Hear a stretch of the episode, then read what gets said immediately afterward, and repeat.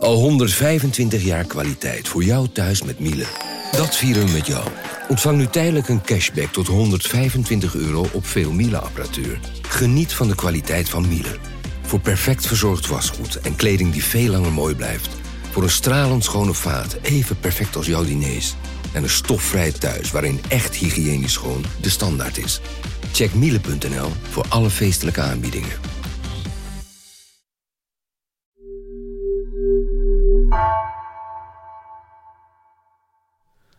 Hey, Lucas hier. Ontzettend fijn dat je luistert naar Onbehaarde Apen. We kunnen deze podcast alleen maken dankzij betalende abonnees. Dus als je al een abonnement op NRC hebt, heel erg bedankt. Dankzij jou kunnen we onze journalisten verschillende kanten opsturen. Kan Gemma naar een Parijs museum toe om daar op de grond te liggen. Uh, en hebben we elke week een nieuw verhaal over wetenschap voor jullie. Maar ben je nog geen abonnee? Overweeg dat dan eens. Ga naar nrc.nl slash apen en kies een abonnement. Met een NRC-abonnement krijg je onbeperkt toegang tot alle artikelen en podcasts.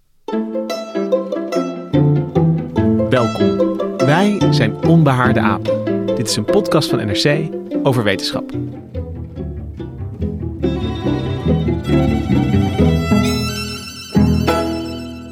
We hebben in Nederland al alfa gehad en delta. Andere delen van de wereld kregen te stellen met beta en lambda. En dan heb ik het natuurlijk over varianten. Varianten van het SARS-CoV-2-virus dat COVID veroorzaakt. De een lijkt levensgevaarlijk en is constant in het nieuws. En andere zijn onbeduidend. En in een oogwenk verdwijnen ze weer van het wereldtoneel. Hoe krijgen wetenschappers grip op nieuwe coronavarianten? En komen hun antwoorden wel snel genoeg om nog op te kunnen reageren? Mijn naam is Lucas Brouwers en vandaag zit ik in de studio met wetenschapsjournalist Nienke Bijtema. Hallo. Hey, en met medisch redacteur Sander Voormolen. Hallo. En uh, ik zeg dat ik in de studio zit, maar jij zit op afstand, uh, Sander. Ja, ik zit uh, lekker thuis. Ja, heel goed. Dus we moeten even goed opletten dat we niet te veel door elkaar heen praten vandaag. Maar dat gaat vast lukken. Um, ja, welkom allebei. Ik ben heel erg blij dat ik met jullie mag praten vandaag. Want als er variantenvolgers bestaan, dan, dan zijn jullie het wel. Jullie hebben eigenlijk van alpha tot omicron uh, de opkomsten van alle verschillende varianten uh, beschreven, gevolgd, geduid. En wat ik graag deze aflevering met jullie zou willen doen, is graag nalopen ja, hoe zo'n nieuwe variant in het vizier komt, uh, hoe de wetenschapper grip op probeert te krijgen en nou ja, wat je vervolgens met die informatie wel of niet um, kan doen. Nou ja, we hebben het, het variantenverhaal eigenlijk al, al een paar keer verteld, al meegemaakt.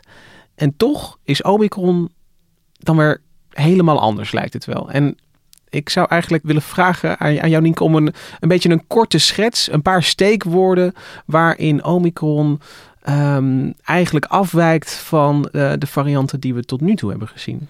Ja, nou de reden dat hij zo onmiddellijk op de radar was bij iedereen, was de absurde snelheid waarmee hij zich verspreidde. Want bij eerdere golven hadden we al wel uh, grafiekjes getekend van hoe snel zo'n variant dan opkomt, hoe snel die zich in, de, in bevolkingen verspreidt, dan met name in de landen waar ze als eerste worden ontdekt. En hier bij Omicron, die werd dan in Zuid-Afrika ontdekt, zag je meteen dat hij zich veel sneller vermenigvuldigde, veel sneller verspreidde dan andere varianten daarvoor. En uh, dat was waarvan mensen meteen zeiden, oh dit moet moeten we in de gaten houden. Want hij heeft de kans om de R-waarde ver boven de 1 te krijgen was natuurlijk nog niet meteen duidelijk hoeveel, maar wel meteen duidelijk dat het zich veel sneller verspreidde. En dat zagen we meteen ook toen Omicron voet aan de grond kreeg in uh, met name Engeland en Denemarken, waar ze door goede surveillance heel snel die in het vizier hadden. En daar zag je dat, ik geloof, elke twee dagen verdubbelde daar het aantal mensen met die variant. Dus dat is een ongelooflijk, bijna een exponentiële groei bovenop een exponentiële groei. En dat hadden we nog niet eerder gezien. Zulke scherpe toenames in grafieken. En een ander aspect van Omicron dat ik vaak voorbij hoor komen, Sander, is toch dat uh, aan de ene kant heb je die explosieve kracht. En aan de andere kant dan een milder verloop voor uh, de patiënt die het, zeg maar, uh, het virus dan treft. dat, dat hoorden we al vroeg uit Zuid-Afrika. En is dat beeld ook in, in die zes weken overeind gebleven? ja, eigenlijk wel. Uh, er, uh, dus uh, ja, het, het, is duidelijk dat er, dat er gewoon in verhouding tot het aantal besmettingen komen er minder patiënten in het ziekenhuis terecht. En met name op de IC zie je grote verschillen tussen Delta en, en Omicron. Maar, ehm, maar ja, aan de andere kant, er zijn zoveel besmettingen dat er toch nog steeds een risico is dat de, dat de ziekenhuizen overlopen als er toch nog een, een kleiner gedeelte zieke mensen toch in het ziekenhuis komen. En uh, tot slot misschien als uh, bij het profielschets van Omicron is dat um, de immuniteit waar we met ons allen uh, zo ons best voor hebben gedaan door uh, vaccins uh, te nemen, door misschien wel geïnfecteerd te raken, um, dat Omicron daar ook een beetje omheen danst. klopt dat, Nienke? Ja, de, voor zover we nu kunnen zien, lijkt het er inderdaad op dat hij toch wat beter in staat is dan andere varianten om immuunsystemen te omzeilen. dus hij is wat minder gevoelig voor eigen, onze eigen afweer, opgebouwde afweer, maar ook voor vaccinaties. Hoewel we wel zien um, uh, nu al bemoedigende resultaten zien dat uh, toch de bestaande vaccinaties, en dan met name na die derde prik, de booster, dat die toch ook tegen Omicron echt nog heel fors 90, 95 procent beschermt tegen ziekenhuisopname. Dus dat lijkt toch niet minder. Uh, misschien lijkt hij wel wat meer de bescherming tegen besmetting te omzeilen. Dus je ziet misschien nu wat meer mensen die er wel, wel mee besmet worden, maar er niet heel ernstig ziek van worden. Okay, dus... Je zegt, je zegt wat meer, maar volgens mij is dat wel echt behoorlijk verschil. Dus dat je, het breekt echt uh, dwars door je opgebouwde immuniteit heen. Uh, of je nou uh, eerder besmet bent geweest of, of dat je gevaccineerd bent. Je, het risico is best wel groot dat je toch weer besmet raakt. Ja, ik, ik hoorde berichten van de Europese Gezondheidsdienst bijvoorbeeld dat zij verwachten dat in twee maanden de helft van alle Europeanen mogelijk Omicron gaat krijgen. En dat is een onvoorstelbaar groot aantal mensen, toch? Ja, zeker. Ja. ja, je ziet het hier in Nederland ook al gebeuren. Hè? Ze hebben in Amsterdam uh, doen ze een steekproef waarin ze kijken uh, of hoeveel, hoeveel mensen de Omicron-variant hebben. Nou, begin december zaten ze op een paar procent. En uh, nu, dus anderhalve maand later, zit er bijna geen andere variant meer tussen. Het is allemaal Omicron. En uh, de, de, de, eerdere machtsovernames die verliepen wat, wat trager dan dat Omicron om zich heen grijpt. Ja, zeker, ja. Want uh, als je kijkt, hè, uh, Delta was al twee keer zo besmettelijk als Alpha, maar Omicron gaat daar nog eens overheen. En ze, ze hebben berekend in een, in een modelstudie dat, dat bijvoorbeeld het oorspronkelijke virus uit Wuhan was tien keer minder besmettelijk als het Omicron-virus nu. Dus dat verklaart wel waarom dat zich zo ontzettend snel kan verspreiden. En eigenlijk is dit uh, de infectieziekte. Uh, de snelst verspreidende infectieziekte ooit. dus als je het, en dan bedoel je in vergelijking met uh, bijvoorbeeld griep? Ja, tot, tot nog toe was mazelen altijd het meest besmettelijke virus wat we kenden die heeft een, een R-getal van, uh, en dat betekent dus een, een reproductiegetal van 15. En uh, dat is heel hoog.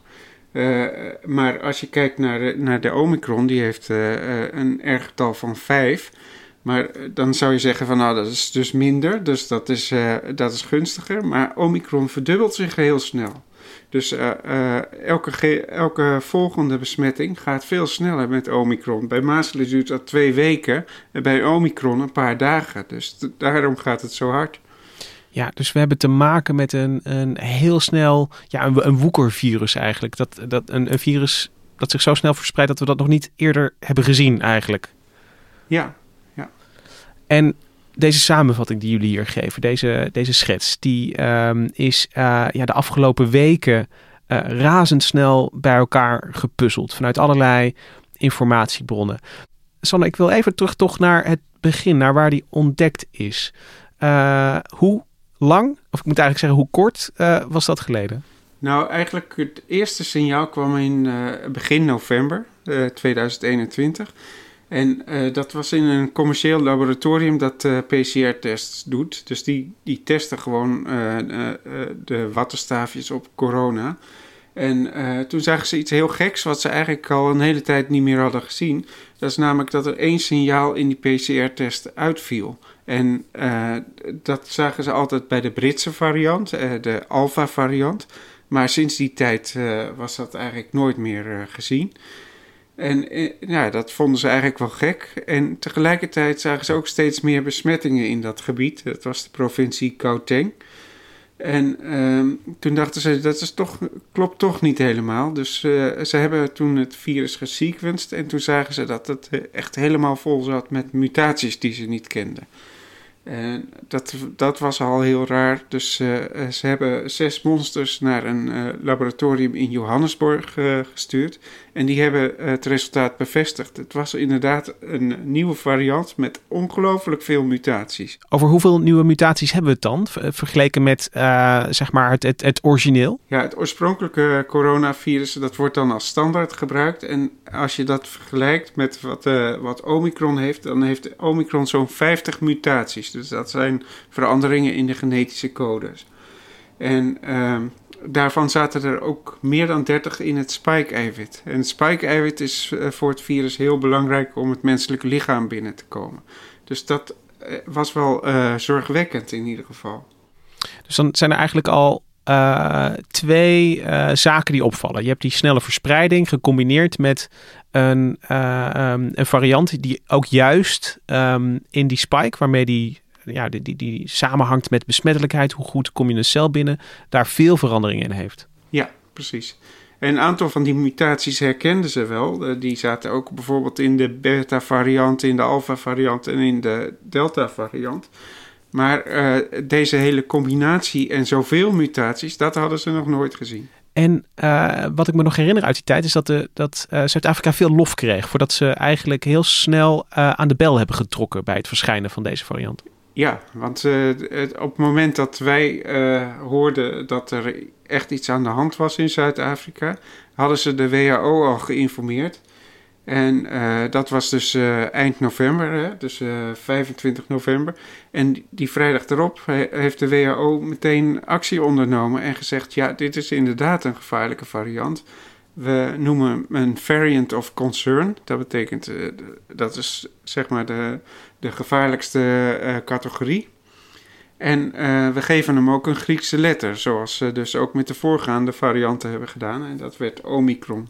En is daar een soort uh, checklist voor? Voor wanneer, um, wanneer word je zo'n variant of concern? Wanneer krijg je zelfs de eer van een, een eigen letter? Ja, dat, dat heeft te maken dus met, uh, met het, de toename in het aantal besmettingen dat ze al zien. En uh, dat is nog helemaal in het begin, dus het gaat over kleine aantallen. Maar als je ziet dat het heel snel verdubbelt, dan is dat al zorgelijk. Uh, en die mutaties natuurlijk, die, waarvan ze wisten van, uh, die kunnen wat betekenen. Dus laten we vooral heel goed opletten bij deze variant. En is dat dan, de, de WHO die, die slaat dan eigenlijk alarm. Um, heeft dat verder dan nog, nog consequenties? Ja, wat er gebeurde was dat heel veel landen onmiddellijk de, het luchtverkeer met Zuidelijk Afrika afsloten. Ja, maar dat was eigenlijk al te laat, want het virus was al binnen. En dat bleek ook later dat er uh, her en der doken allerlei gevallen op van niet eerder gezien, maar achteraf toch Omicron gevallen.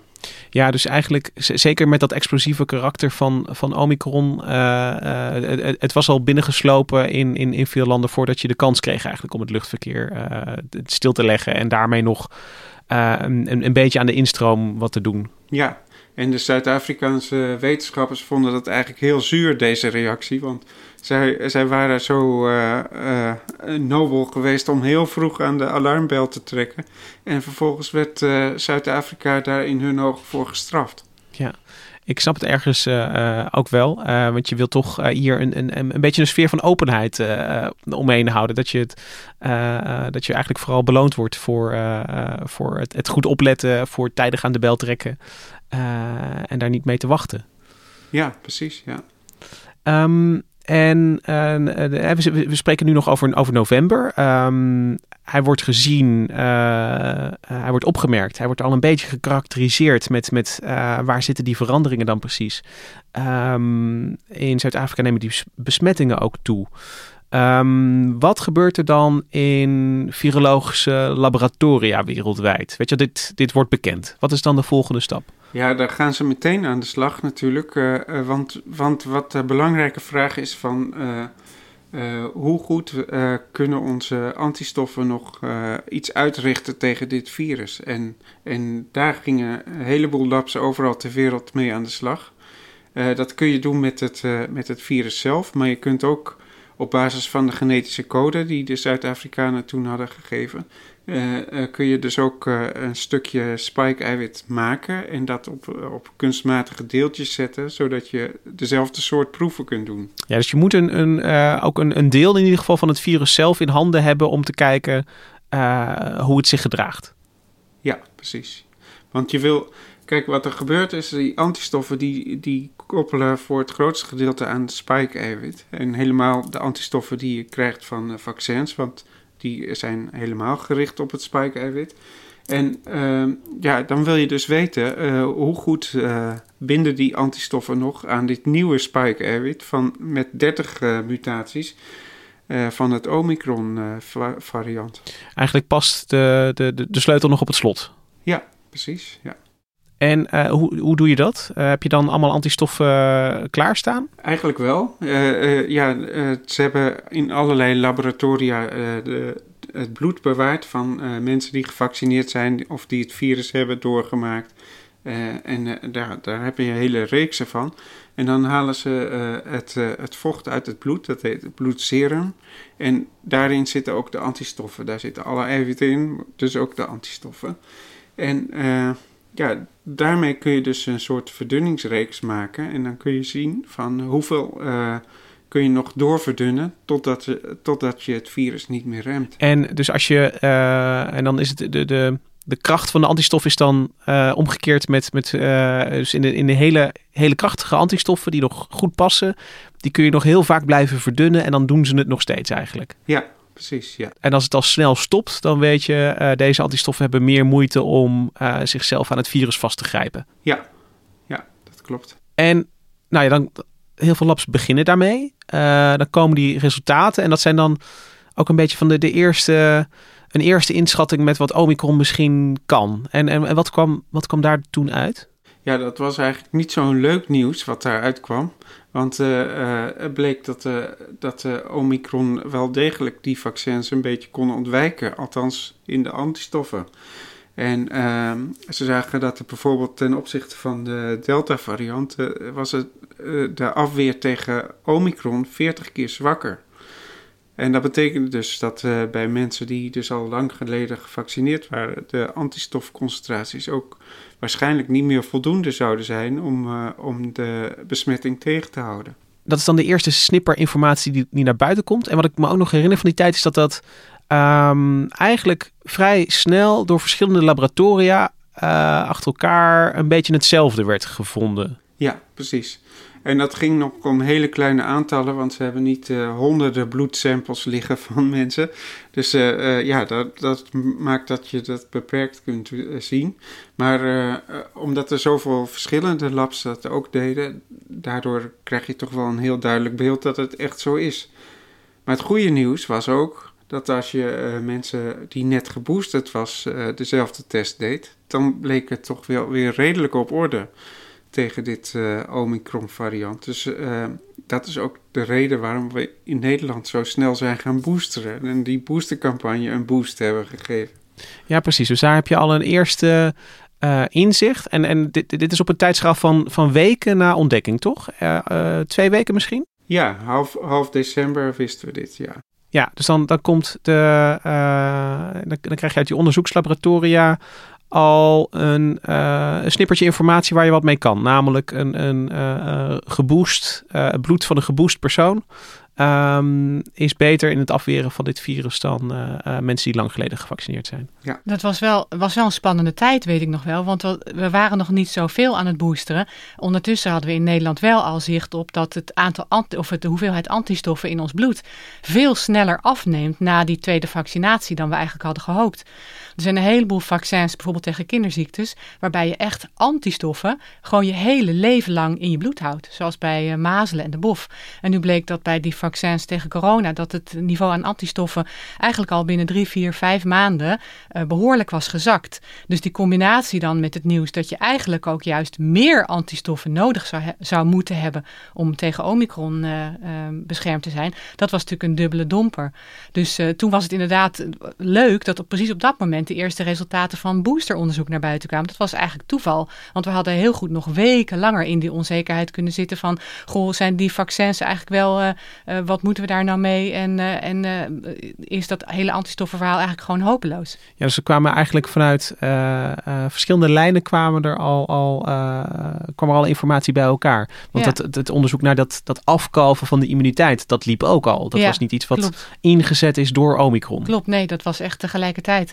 En dan kan je natuurlijk zeggen, nou ja, maar hoe goed nieuws is dat nou? Moet je dan mensen iedere zes maanden blijven boosteren? Maar dat blijkt dus uh, uh, niet het geval te zijn. Waarschijnlijk, we weten het nog steeds niet helemaal zeker, want nog steeds is het allemaal heel nieuw. Maar uh, ook in de loop van december kwamen er andere gegevens naar buiten over um, eigenlijk nog een goed nieuws. Dat niet alleen de antistoffen zijn van belang voor onze afweer tegen het virus, maar ook andere componenten van ons immuunsysteem. En dan hebben we het over witte bloedcellen, de zogenaamde T-cellen en B-cellen. Dat zijn verschillende typen bloedcellen die ons helpen bij de afweer tegen ziektekiemen. En dan blijkt dat na je tweede vaccinatie weliswaar het aantal of de hoeveelheid antistoffen in je bloed heel snel afneemt. Maar dat de werking of de respons van je, met name je T-cellen, de witte bloedcellen, nog heel erg lang wel op peil blijft. En even om op te frissen, wat is een, een T-cel en wat is een B-cel? Ja, um, nou ons immuunsysteem zit eigenlijk gigantisch ingewikkeld in elkaar. Een prachtige geoliede machine van allemaal tandwieltjes die in elkaar haken. En de belangrijke cellen daarbij zijn eigenlijk voornamelijk allerlei verschillende typen witte bloedcellen. Die worden gemaakt in ons beenmerg en die gaan daarna reizen ze naar verschillende plekken in ons lichaam waar ze uitrijpen tot allerlei, tot tientallen verschillende witte bloedcellen. En zo heb je T-cellen, daar heb je ook weer tien verschillende van, met allemaal een eigen verschillende taak. Sommige T-cellen, die, uh, dat noemen ze de killer T-cellen, die kunnen meteen ziektekiemen aanvallen en uitschakelen. Maar je hebt eigenlijk vooral helper T-cellen en die produceren allerlei stofjes, signaalstoffen, waarmee ze weer nog weer andere delen van ons immuunsysteem aanschakelen. Zoals de B-cellen, die de antistoffen zelf gaan produceren. Dus zelfs als de antistoffen die je vlak na het vaccin aanmaakt tot een laag niveau zijn gedaald, dan heb je altijd nog sluimerend in je bloedbaan en in je lichaam T-cellen, die zodra diezelfde ziekteverwekker weer binnenkomt, onmiddellijk in actie komen en B-cellen weer aanmoedigen tot het maken van nieuwe antistoffen. En dan, dus, heb, dan heb je dus um, eerst heb je dat antistoffenonderzoek gedaan. Ja. En um, dat T-celonderzoek, dat uh, valt mij dan op, dat komt altijd na het antistoffen. Dat kwam later, ja. Het uh, antisto antistoffenonderzoek, dat kun je heel goed in labschaaltjes doen met uh, um, wat Sander net beschreef. Dat je met plasma en kijk hoe goed het allemaal hecht. Dat T-celonderzoek, daar heb je dan toch proefdieren voor nodig. mensen ook voor nodig om te kijken hoe dit nu echt in echte levende lichamen uh, gaat. En dan bleek, daaruit bleek dus, het was wel grappig, dat was echt in vijf of zes labs wereldwijd tegelijk. Eind december brachten die dat verlossende nieuws. Ja, maar wacht eens even, die T-celrespons is eigenlijk nog hartstikke goed. Ook voordat je de booster hebt gehad. En wat meet je dan precies in het lab? Ga je dan kijken um, hoe goed een, uh, ga je dan cellen uh, inderdaad uit proefdieren of patiënten halen en kijken hoe actief ze zijn? Moet ik het me ja, voorstellen? Ja, je kunt uh, met bepaalde labeling technieken kun je opsporen waar die T-cellen precies in het lichaam zitten, hoeveel het er zijn. Um, en daar kun je um, uit afleiden ook hoe actief ze zijn. En je kunt daar ook kleine proefjes mee doen om te kijken wat ze doen, hoe snel ze reageren als ze weer met um, um, corona, het coronavirus in aanraking komen. En daaruit kun je dan afleiden hoe snel ze ook weer die B-cellen kunnen gaan activeren. En um, als je deze twee labuitkomsten um, zeg maar naast elkaar legt. dat lijkt ook goed te passen bij een virus dat weliswaar uh, snel mensen besmet. Want die antistoffen die heb je nu eenmaal in het bloed, veel of niet. Uh, en hoe meer je er hebt, hoe moeilijker het is misschien is om besmet te raken. Maar uh, die, die, die, daar heb je er veel van in het bloed of niet. En, en uh, die, die, die zijn er dan. Maar die T-cellen wat je nu beschrijft, die hebben even tijd nodig om op gang te komen. Ja. Uh, die, die, moeten, die moeten tegen elkaar zeggen van, hé hey, jongens, er is wat aan de hand. Ja. Um, dat lijkt goed te passen bij een virus dat inderdaad weer mensen veel opnieuw besmet. Maar waar de bestaande immuniteit wel goed bij helpt om niet heel erg ziek te worden. Klopt. Daarnaast is nog een, een, element van belang en dat is hoe goed is deze variant in staat om onze cellen binnen te dringen. En dat kun je ook heel goed in een labschaaltje uh, uitvinden. En daarvoor maken ze ook deeltjes van het virus na. Die kun je gewoon synthetisch namaken, stukjes van het spike-eiwit bijvoorbeeld. En dan kun je meten in een labschaaltje hoe goed dit stukje spike-eiwit zich hecht aan de receptoren van menselijke cellen. En dan kun je gewoon gaan kijken hoe goed het, uh, uh, hoe beter het hecht, hoe beter het dan in staat is die cellen binnen te dringen. Dat onderzoek is ook in december gedaan. En dat hebben ze vervolgens uh, bevestigd in um, muizen. En dat waren hele bijzondere muizen. Dat waren muizen die genetisch zodanig waren veranderd dat ze op hun cellen een menselijke receptor hadden um, in hun longen. Dus die hadden eigenlijk een soort menselijke longcellen. En die hebben ze besmet met de Omicron-variant om vervolgens te kijken hoe goed zijn, is deze variant nu in staat om die longcellen werkelijk binnen te dringen. En daar zagen ze dat het Omicron-variant dat beduidend minder goed kan dan eerdere varianten. En ook dat hij dat minder diep in de longen doet. Omicron besmet jou voornamelijk hoger in de luchtwegen. Dat zagen ze bij die muizen. Um, en dat komt ook weer overeen met het beeld uh, en dat je er minder ziek van wordt, maar ook dat je het ook um, makkelijker verspreidt. Het zit hoger in je luchtwegen, dus je hoest en je niest en je praat het ook sneller weer naar buiten. En uh, dus, dus zo krijgen we dus ons immuunsysteem in beeld, maar dus ook al een idee over wat, um, wat Omicron, hoe zich dat gedraagt in het lichaam. En dat kun je dus ook zo snel doen, omdat je die muis ook al uh, klaar hebt staan, neem ik aan, met, met, die, uh, met die menselijke, met die menselijke longen. Ja. ja. Want die zijn ook voor allerlei ander onderzoek, worden die al wel tientallen jaren gemaakt. Ook bijvoorbeeld voor het testen van bepaalde medicijnen en het testen van de uh, werkingsmechanismen van allerlei ziekten. Ja. En als je dit, um, dit onderzoeksgegeven naast zeg maar de, de Omicron in het wild legt, um, past het dan ook, die ho hoger zitten in de luchtwegen, past het ook bij een, een, een dat mildere ziektebeeld wat we, uh, wat we kennen? Ja, absoluut. Ja. Want bij de, de, de mensen die het allerziekst worden, daarvan zie je toch dat die vooral diep in de longen die grote ontstekingen hebben. Uh, en blijkbaar ook voor die hele uh, reactie, die hele overreactie van je hele immuunsysteem, die overreactie waarbij overal ontstekingen in het lichaam komen, wordt ook voornamelijk getriggerd door die diepe ontsteking in de longen. Sander, we hebben nu een een drietal smaken onderzoek uh, besproken. Um, ja, die, waar heel snel eigenlijk resultaten uitkomen. Zijn er nog onderzoeken die lopen en waar we dus nog um, resultaten van, van kunnen verwachten de komende weken?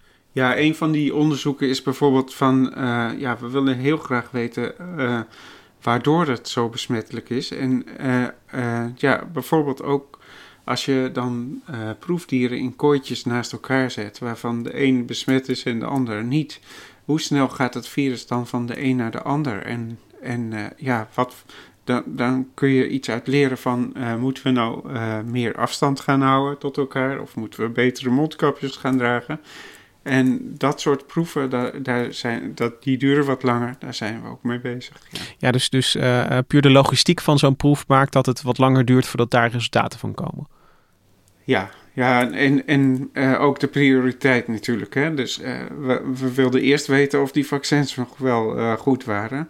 Want dat is heel belangrijk. Als je, als je dus al weet dat het vaccin het niet meer doet, dan moet je nieuwe vaccins gaan maken. Dus dat, dat, dat is de essentiële proef die je eerst moet doen. Ja, en, en jullie als um, ja, uh, observatoren eigenlijk van, van de wetenschap, um, uh, op elk van deze domeinen is, uh, valt het toch wel op dat um, de, dat de eerste resultaten uh, die we binnenkrijgen ook steeds bevestigd worden uh, in, in, in onderzoeken die er dan daarna komen. want, want het is soms een beetje een dilemma als je voor het eerst een onderzoekje ziet van hé, hey, de, de antistoffen werken minder goed. Dan denk je van oei, ja, dit is wel een klein onderzoekje. Maar tot nu toe is steeds gebleken dat, het, ehm, dat die onderzoeken bevestigd werden, toch Sander? Ja, dat klopt. Maar, uh, maar ja, het zijn allemaal dus inderdaad hele kleine getallen waar je het dan over hebt. Dus dat is ook wel heel fijn dat er verschillende onderzoeken zijn die elkaar bevestigen. Want dan kun je dat een beetje bij elkaar voegen. Uh, ja, en wat je nu in de, in de wetenschappelijke literatuur ziet, zijn allemaal nog studies die, die nog gaan over delta. En dus wat er nou met Omicron gebeurt, dat moeten we eigenlijk allemaal nog uh, leren en ervaren. Dus dat, dat is ook eigenlijk nog de volgende fase die erachter komt. Van wat gebeurt er in het echt, in de werkelijke wereld, uh, in de menselijke populatie. En hoe ontwikkelt dat virus zich? Ja, want dat is de, de, korte klap in het lab, die wordt dus heel snel gegeven. En uh, tegelijkertijd um, krijgen we uh, gewoon uit het nieuws of uit van gezondheidsdiensten uit allerlei verschillende landen. Die houden natuurlijk besmettingen in de gaten. Die houden ziekenhuisopnames in de gaten. Um, daar wordt dan ook, denk ik, uh, met, met, met veel gretigheid naar gekeken van, van wat je daar dan weer voor kan leren. Ja, en dat, dat maakt het natuurlijk ook wel eh, nog steeds heel onzeker. Want uh, wat we nu zien is dat veel besmettingen met Omicron komen voor bij jongeren. Maar wat gebeurt er straks als het ook de oudere groep bereikt? En uh, ja, zijn die dan ook nog even goed besmet? Krijgen we niet nog veel meer ziekenhuisopnames? Dat weten we eigenlijk nog niet. Ja, het is ook lastig omdat we eigenlijk eerst naar die andere landen keken, waar dat virus als eerste de, uh, de kop opstak. In Zuid-Afrika gingen bijvoorbeeld heel snel de ziekenhuisopnames omhoog, maar melden ze eigenlijk ook meteen dat daarvan maar heel weinig mensen IC nodig hadden. En ze melden ook al echt heel snel dat die piek bereikt was. En uh, dat leidde in Nederland en in Europa eigenlijk tot heel veel optimisme van, oh mooi, hij is inderdaad minder ziekmakend. Maar een, een addertje onder het gras erbij is natuurlijk altijd dat het heel lastig is om uh, verschillende landen met elkaar te vergelijken. En dat is omdat die bevolking is heel anders. De mensen in Zuid-Afrika zijn over het algemeen gemiddeld jonger. Uh, heel veel van die mensen hebben al een infectie doorgemaakt. Um, plus dat, we daar, dat ze daar hele andere maatregelen hebben, hele andere culturele gebruiken. Um, en, uh, en het is daar nu ook zomer. Bij ons is het nu juist winter, het seizoen waarin luchtwegvirussen gewoon gevaarlijker zijn. Dus we we zouden het heel graag kopiëren naar, naar Europa. En goed, we kijken natuurlijk ook naar um, Engeland en naar Denemarken. Maar ook daar zie je toch verschillende patronen in die landen onderling. In Amerika zien we nu ook weer, weer een ander patroon. Daar schiet het net zo hard omhoog, maar daar schieten ook de ziekenhuisopnames omhoog. In Europa zien we dat nog, nog niet, of in elk geval minder. Dus zo, ja, dat, dat maakt duidelijk dat het echt heel moeilijk is om verschillende landen met elkaar te vergelijken. Het is heel moeilijk, maar en je benadrukt nu de verschillen, maar er zijn natuurlijk ook uh, overeenkomsten. Dus een, um, wat Omicron wel echt definieert, is een razend loeiharde uh, piek omhoog. Ik, ja, vind, ik vind het nog steeds die zie je overal. Dat ja. is, die is fascinerend. Ik ja. vind het fascinerend om te zien dat het, het, het uh, als je dan, uh, hè, zelfs in landen waarbij het testbeleid dan, dan in ieder geval het afgelopen half jaar natuurlijk redelijk consistent is geweest, dan zie je inderdaad delta-golfjes, maar ja, Omicron is een tsunami. Ja, die gaat er ja. vier, vijf, zes keer hoger overheen. Ja. ja. En, ja, je, uh, ziet het, je ziet het zelfs in Nederland, waar, waar, waar we dus in een lockdown zitten. Uh, uh, we kregen de delta naar beneden. maar, maar nu de Omicron laat alles weer stijgen, ondanks de lockdown. Ja, dus, dus daar is, is een, een, een lockdown die genoeg was om delta te breken, is niet genoeg om Omicron te stoppen. Ja. Misschien wel te vertragen, maar we zitten nog steeds in een, in een, in een groei omhoog. Zeker. Ja, mensen zeggen soms wel, oh zie je wel, die lockdown die werkt niet, want kijk eens hoe hard het omhoog gaat. Maar dan kun je ook altijd weer zeggen, ja, maar je weet niet hoe hard het omhoog gegaan zou zijn als we dat niet hadden gedaan. Dus dat is altijd een beetje koffiedik kijken. Ja, en uh, misschien wel iets meer dan koffiedik kijken, want ik, ik vond het wel interessant wat je zei bijvoorbeeld over de Verenigde Staten. En, ja. en dat daar uh, in ieder geval een... Uh, sterkere koppeling is ja. tussen besmettingen en, en ziekenhuisopnames. Maar we nu, weten natuurlijk ook wel dat de Verenigde Staten ja. minder de, de vaccinatiegraad, zeker in sommige delen van... De vaccinatiegraad is lager en je ziet daar ook... We, zien uh, dat de mensen die op de IC komen zijn over het algemeen mensen die veel te dik zijn. En dan hebben we het echt over ziekelijk overgewicht. Um, en dat is... In Amerika zijn er gewoon percentueel meer mensen die dat hebben. Dus daar zal dat harder toeslaan wat betreft IC-opnames. Ja. Ja, dus dat, en, en eigenlijk ehm, in, in, in die fase van dat, uh, wat, doet Omicron in het wild, in, in verschillende situaties, uh, bijvoorbeeld in een lockdown situatie in Nederland, in een uh, vrijere situatie zoals Denemarken, gegeven met die, die, die bevolkingssamenstelling, hoe oud, hoe dik, hoe dun, dat is daar zitten we nog middenin. Ja. En, en, daarom is het, is het zo moeilijk om daar nu hele krasse uitspraken over te doen. En daarom is het ook zo sneu voor die mensen in het OMT dat ze nu moeten adviseren. Want eh, echt, het is een echt, ja, we blijven het zeggen, het is echt te vroeg um, om te kunnen zeggen. En op puur virologische gronden was het ook te vroeg om te zeggen, we doen de scholen weer open. Omdat eigenlijk die uh, piek net begonnen was na de jaarwisseling. Uh, dus precies op dat moment doe je de scholen weer open. Er waren natuurlijk alle allerlei sociaal-maatschappelijke dringende redenen om dat wel te doen. Maar ik, ja, het is nu echt heel moeilijk nu om beslissingen te nemen, ook over voortzetting van die andere beperkende maatregelen.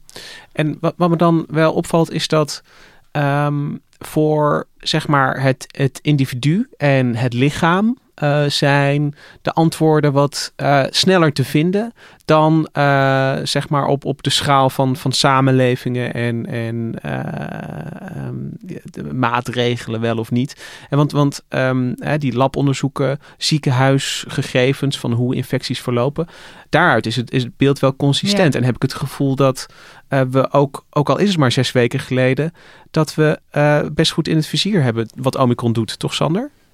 Ja, dat klopt. Maar eh, je moet, eh, wat jij zegt is helemaal waar. Dat dat heel individueel bepaald is. Want uh, voor de een is het misschien een milde infectie, die Omicron. Maar voor de ander, dus dan heb ik het over mensen die niet gevaccineerd zijn of mensen die een stoornis aan hun immuunsysteem hebben, dan kan het toch wel zwaar uitpakken. Want je moet niet vergeten dat Omicron nog steeds ziekmakender is dan de, dan de oorspronkelijke varianten uh, waar wij mee te maken hadden. Het is misschien minder erg dan Delta, dat zou je misschien al kunnen zeggen, maar, maar ja, we moeten toch blijven oppassen. Het is ja, geen milde ziekte. Nee, er is ook nog niet goed duidelijk hoe, um, uh, hoeveel mensen ook long-COVID, dus de langdurige klachten van COVID, kunnen verwachten um, met de Omicron-variant. Het is gewoon nog te vroeg om dat te zien. Dus het kan best zijn dat je er uh, minder snel mee in het ziekenhuis of op de IC belandt. Maar het kan wel zijn dat nog steeds een even groot percentage van deze mensen, er worden allerlei percentages geroepen, maar stel dat het 10% is van de mensen langdurige klachten eraan gaan overhouden. Als je ervan uitgaat dat straks de hele bevolking het gehad gaat krijgen, of 50% of 60%, dan ga je het dus hebben over honderdduizenden Nederlanders die langdurig klachten gaan krijgen. En uh, nog afgezien van het ziekteverzuim, want dat is ook natuurlijk een punt wat heel belangrijk is. Um, ook al komen er minder mensen in het ziekenhuis, als we toch in één keer honderdduizenden mensen hebben die gewoon ziek zijn en te ziek om naar hun werk te gaan, dan gaan er toch, denk ik, dingen krakend tot stilstand komen. Ook in de zorg en in het onderwijs. Dus um, ja. Ja, dus we komen langzaam in het terrein bij, bij afwegingen die natuurlijk ook um, ja, bijna buiten de, in ieder geval buiten het lab uh, liggen. Hè? Dus, dus, dus waar zeg maar de, de uh, maatschappij en, en, en, en virus op een heel, uh, elkaar op een hele andere manier tegenkomen dan, uh, dan Spike en T-cell. Um, en is, is dan dat niet ja, bijna het, het, het, het, tragische, het jammere, dat, dat zeker, um, het geldt nu voor Omicron, maar het geldt eigenlijk al de hele pandemie lang, dat het allemaal veel sneller gaat dan, dan uh, uh, op, op, op dit niveau. Hè, dus hè, dat, dat grote maatschappelijke dan, dat, dan je onderzoeken kan of dat je de, de, de, de, de, de ja, het, de beste praktijk kan bepalen daar hebben we de tijd gewoon niet voor met hoe hard het gaat. Precies, dat is eigenlijk ook best wel tragisch. Want we, we vinden eigenlijk allemaal dat het te langzaam gaat, die antwoorden. We, we blijven maar zeggen, het is te vroeg, we weten het nog niet. Waarbij we vergeten dat heel veel van deze antwoorden... en ook de, alleen al de ontwikkeling van die vaccins... vele malen sneller gaan dan bij wat voor ziekte in het verleden dan ook. Dus er wordt op volle stoom, worden er ongelooflijk veel uh, resultaten geboekt... en wordt er kennis gegenereerd. En toch zie je dat wij als maatschappij behoefte hebben aan besluitvorming... op een schaal van van weken of dagen. Als je kijkt naar ondernemers die nu gesloten zijn. En de, de, we willen eigenlijk nu op een schaal van één of twee weken besluiten of we alles weer opengooien of niet. Maar als je kijkt naar de wetenschap, dan, dan wringt dat gewoon met elkaar. Dat is echt heel tragisch. Zie je dat ook zo, Sander? Ja, zeker. Ja, het is. Uh, we worden telkens weer overvallen door uh, zo'n nieuwe variant. En uh, ja, dat, uh, dat, ja, dat zou je eigenlijk ook iets mee moeten. Je zou willen weten van wat gaan we doen als er weer zo'n variant komt. En wat, wat kunnen we dan voor alternatieven bedenken zonder de hele samenleving weer op slot te doen. dat is best lastig, maar het is wel heel erg nodig, denk ik. Ja, en ja, nu, heb je het, uh, het woord uh, nog nieuwere variant al, al uh, in, in de mond genomen, Sander. En, en daar heb ik ook nog, dat hebben we eigenlijk onbenoemd gelaten nu. We hebben het, um, we begonnen ons verhaal in november met dat de variant werd gezien. maar elke variant moet natuurlijk ergens ontstaan. En ik ben benieuwd. Ik, ik heb er ideeën en hypotheses over gehoord. kun jij ze nog een keertje op een rijtje zetten? Nou ja, uh, als je ziet, die, die, uh, de Delta-variant die dus op de Alpha-variant volgde, die kwam daar niet uit voort. En de Omicron uh, komt ook niet voort uit Delta. Dus het, het zijn eigenlijk virussen die, die apart zijn ontstaan. Hoewel ze dus soms wel qua mutaties op elkaar lijken. Maar dat is gewoon het, het evolutionaire pad wat een virus aflegt. Die kijkt gewoon wat de weg van de minste weerstand is. En uh, ja, dus dat betekent dus ook dat we eigenlijk niet goed kunnen voorspellen waar die nieuwe varianten vandaan zullen komen. Toen, ten tijde van Delta dachten we nog van ja, er komt vast een, uh, een nieuwe variant voort uit Delta en die maakt het misschien erger of minder erg. Maar nu blijkt dus dat we complete verrassingen kunnen verwachten. Want, uh, want Omicron is dus, als je kijkt in de genetische stamboom, komt het ergens uit 2020. Dus het is heel lang onder de radar gebleven, zonder dat we dat hebben gezien. En in de tussentijd heeft het waarschijnlijk al die mutaties verzameld. En toen pas werd het een probleem, toen steeds meer mensen besmet werden. Ja, ik, ik zag een interessant draadje van, van epidemioloog Kucharski. En, en die zei van ja, met, met uh, noem ik dan maar even tamme virussen, dat, dan, daar ja, dansen we een soort tango mee. Weet je, van onze immuniteit neemt dan een beetje toe. Het virus verandert een beetje en kan dan weer meer mensen besmetten en zo. Ja, zo, zo dansen we dan verder. Maar hierbij is het dus dat er eigenlijk steeds nieuwe duveltjes uit doosjes uh, springen. Um, waar we niet precies weten waar ze vandaan komen. Nee, dat komt omdat het virus nu natuurlijk ook wel enorm veel speelruimte heeft. De, de, de hele wereldbevolking doet als het ware mee in deze tango. En uh, ja, dan, dan, uh, dan gaat het wel heel erg hard. Want bijvoorbeeld een, griepgolf gaat nog lang niet zo hard als, als wat, wat hier met, uh, met corona aan de hand is. En dat maakt het dus ook wel problematisch om daar echt wat aan te doen. En eigenlijk zou je dus op termijn zou je een, een vaccin willen hebben dat, dat tegen alle mogelijke varianten beschermt. Maar ja, dat is toch wel een lange weg te gaan om dat te ontwikkelen. Ja. De, de, de volgende variant kan ons dus uh, uh, verrassen, Nienke. Daar, hebben we geen, geen garanties voor de toekomst. Um, is, er, is er nog een, een silver lining ergens. Een lichtpuntje. Een klein lichtpuntje. nou ja, ik, ik, denk dat waar het uiteindelijk wel naartoe gaat, is dat we um, allemaal uh, ofwel een aantal keren gevaccineerd zijn, of een aantal keren besmet gaan worden uh, uh, over de hele wereld in de komende jaren, misschien wel decennia.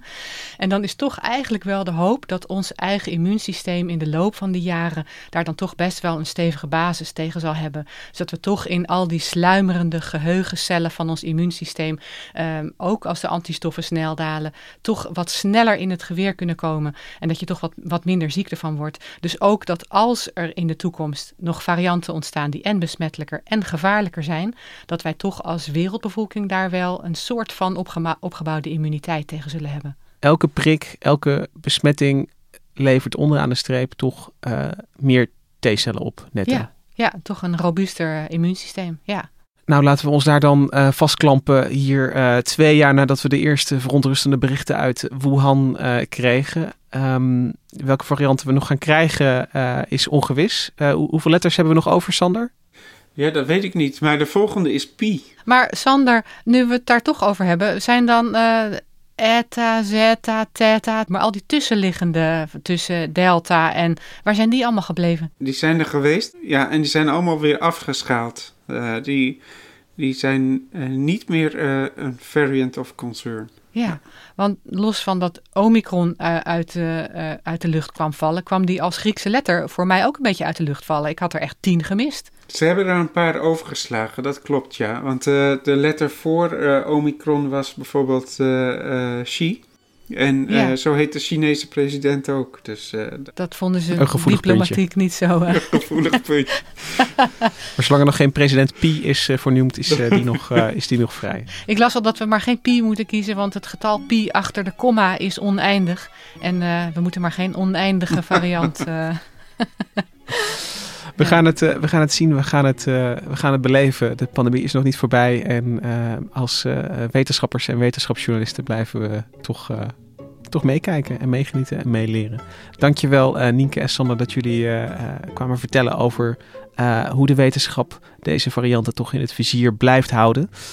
en ook wat de grenzen zijn van de wetenschap als het gaat om het geven van, van antwoorden. Ook dankjewel Rosa van Toledo voor de productie van deze aflevering. En de muziek die je hoort, die is gespeeld door het Dudok Quartet. Wij zijn er volgende week weer met een nieuwe aflevering. Tot dan!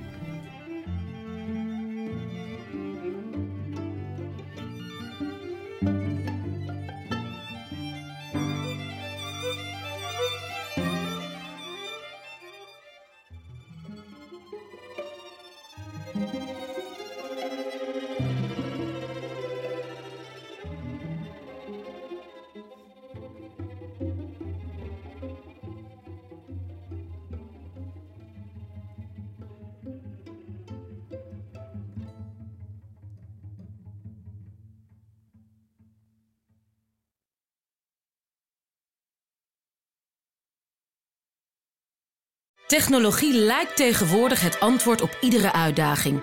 Bij PwC zien we dit anders. Als we de potentie van technologie willen benutten, kunnen we niet zonder een menselijk perspectief. Human-led, tech-powered noemen we dat. Ga naar pwc.nl.